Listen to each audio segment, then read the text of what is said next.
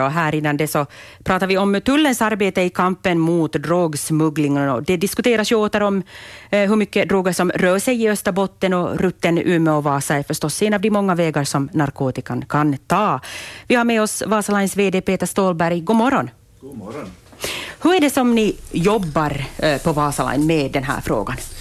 No, vi skickar varenda gång så får tullen listor på alla passagerare och så gör de sina riskbedömningar och förstås håller ju hela besättningen ögonen öppna och vi har ju ett fantastiskt samarbete med både tull och polis och, och gräns. Mm.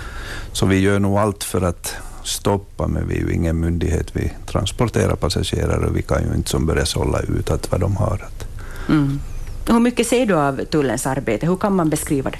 Jag ser det mycket och, och, kan man säga att fast de inte alltid syns för passagerarna så finns de alltid där. Att alltid när fartyget kommer så finns det tull på plats. Kanske inte fysiskt, men de har sittit igenom listorna och gått igenom vad som kommer och, och gjort sina bedömningar att ska de göra mera kontroll eller inte. Mm. Eh, betyder det alltså att ifall om jag går av Vasa Express och jag ser en eh, tullhund där, så då har de gjort en riskbedömning att det potentiellt kan finnas droger på färjan, eller? Nej, de är nog på plats i mån av möjligheter och resurser.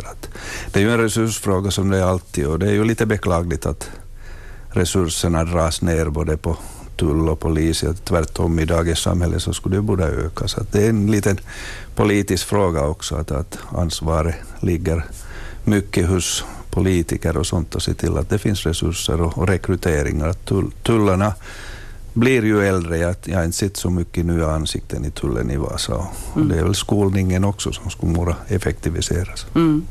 Vi vet ju att tullens arbete bär frukt, men eh, hur ofta hör du att någon har åkt fast för att ha fört droger över Kvarken med Vasa Express? No, vi har ju ingenting konkret, att tullen meddelar ju inte oss om de gör beslag eller tar fast, utan mm. vi, vi ser ungefär det som vi alla ser i tidningen. Du får inte höra någonting utöver det som vi, vi andra får höra?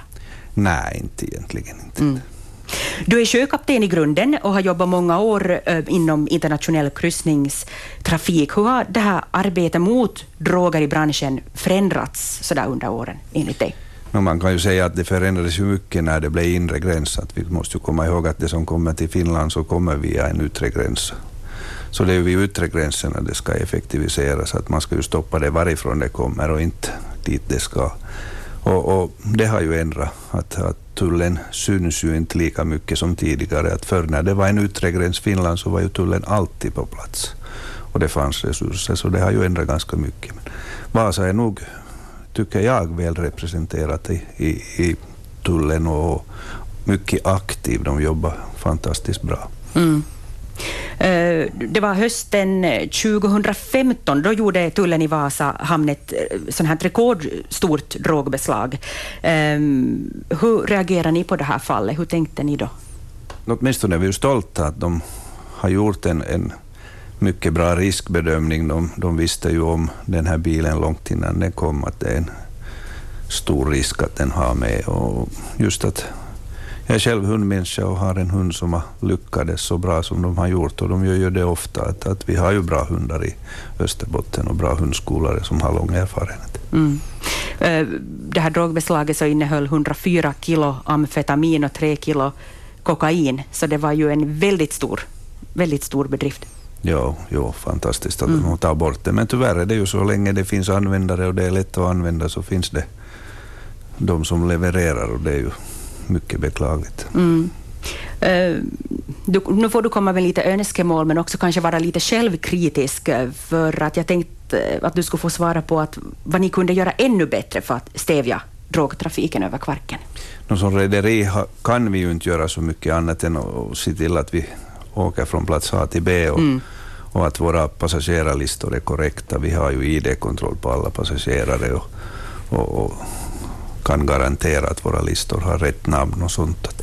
Men det är samarbete, men, men ur rederiets synpunkt kan inte vi göra så mycket. Mina önskemål är bara att, att tullen får mera resurser så att de kan göra mera kontroller och, och kanske göra mera som kan man säga, arbete bakom kulisser och stoppa det därifrån det kommer. Mm. Hur mycket påverkar det som har skett nu de här senaste veckorna Eh, tullens arbete och eventuella, ja, eventuellt mera resurser för dem. För att nu är det ju ett faktum att faktiskt unga människor använder mycket droger och det säljs mycket droger, framförallt i Jakobstad.